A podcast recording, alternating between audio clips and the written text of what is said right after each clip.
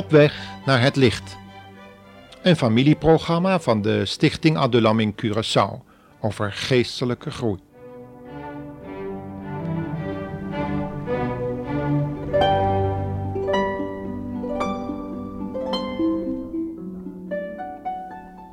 Het thema voor vandaag is overwinnend geloofsleven.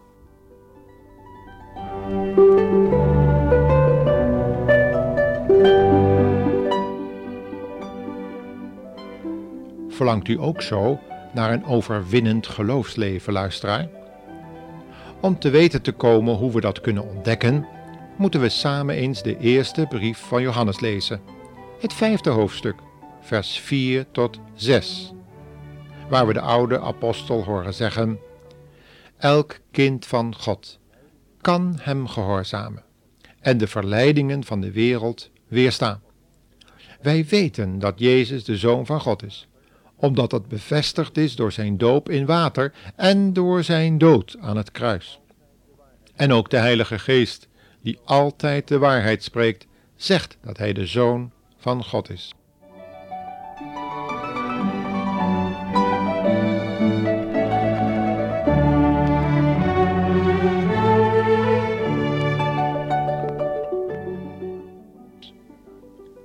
In een andere vertaling wordt het nog meer duidelijk dat alleen ons geloof de wereld kan overwinnen. Met andere woorden, de verleidingen van dit leven weerstaan. Paulus zegt dan ook dat het kruis en de wet hem niet alleen losgemaakt hebben van zijn eigen wil en verlangens, maar ook van de wereld. Luister maar hoe hij dat zegt in Galaten 6, vers 14. Wat mijzelf betreft, ik zal alleen maar hoog opgeven van onze Heer Jezus Christus, die aan het kruis gestorven is. Samen met Hem is de wereld voor mij dood en ben ik voor de wereld gestorven.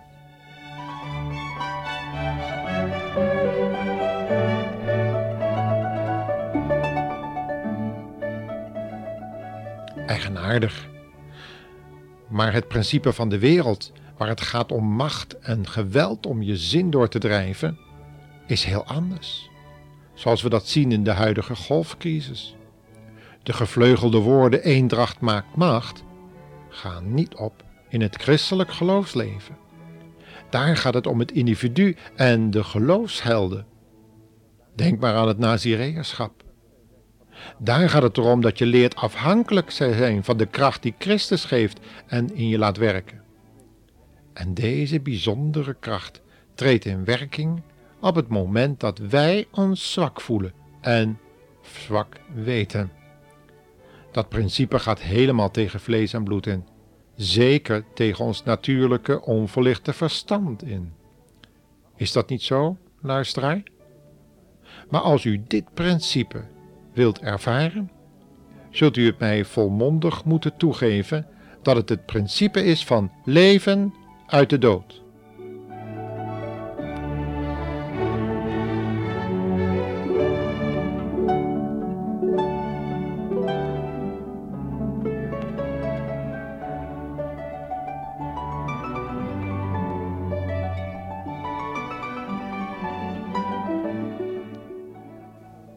Dat is precies het christelijk leven.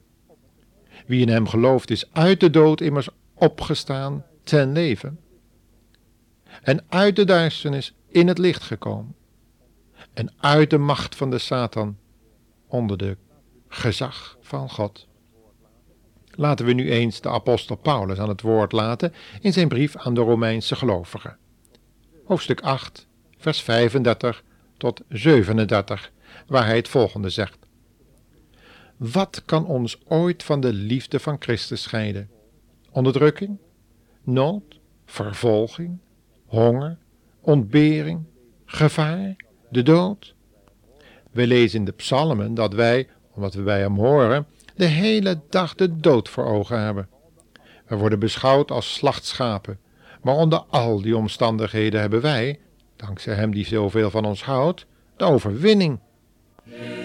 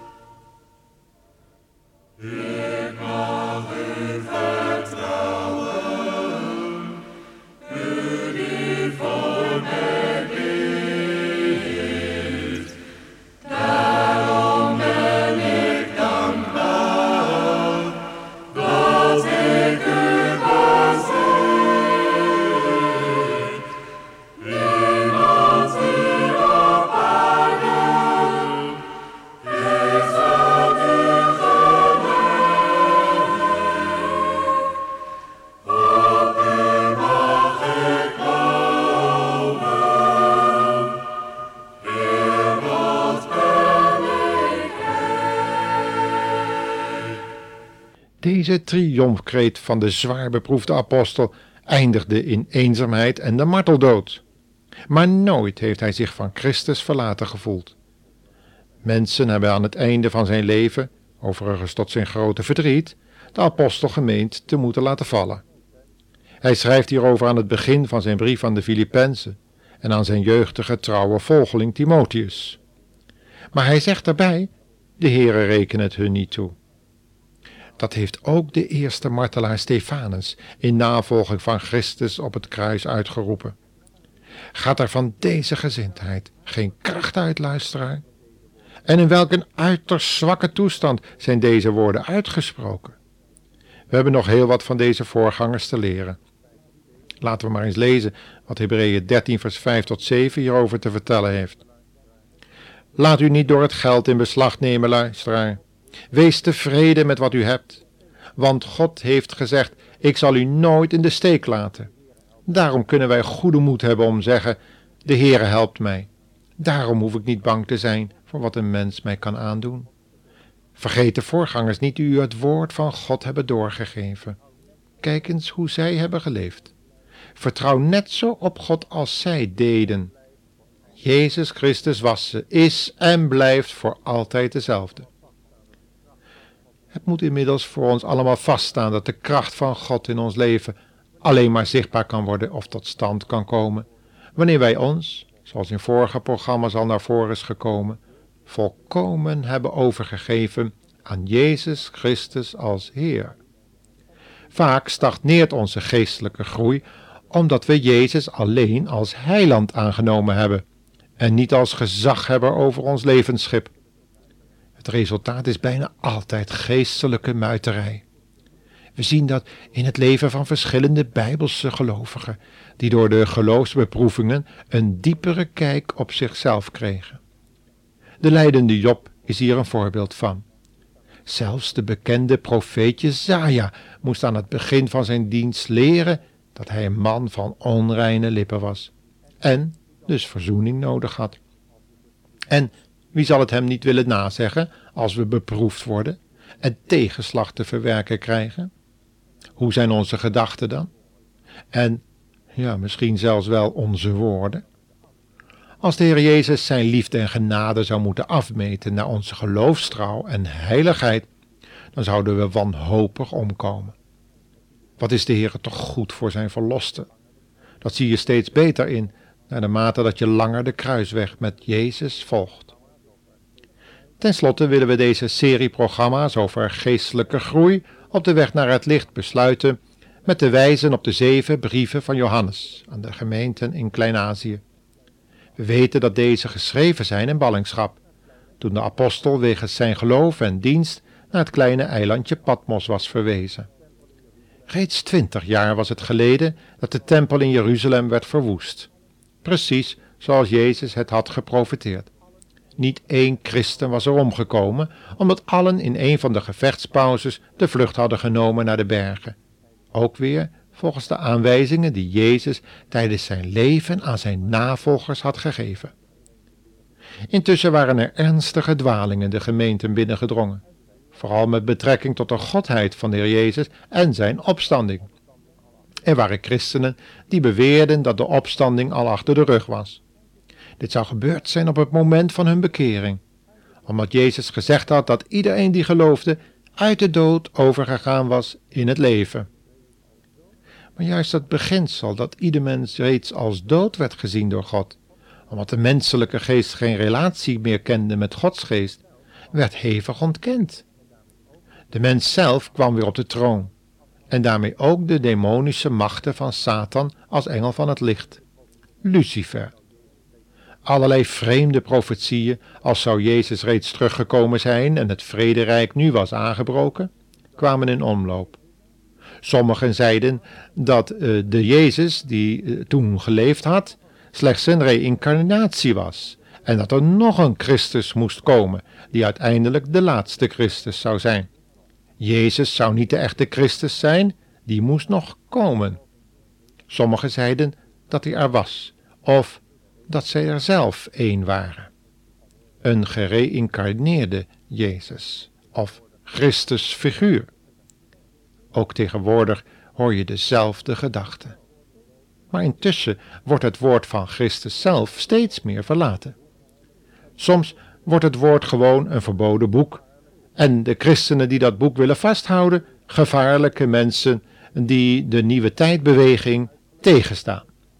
Omdat het eerst zou uitgelegd moeten worden door een speciale priesterklasse, zoals in de tijd van de schriftgeleerden en fariseërs en de grote geloofsvervolgingen in de 16e en 15e eeuw. Oude dwalingen, samen met de gnostiek en de Griekse mythologie, komen weer binnen en de leer van Christus wordt verduisterd, evenals in de tijd van Johannes.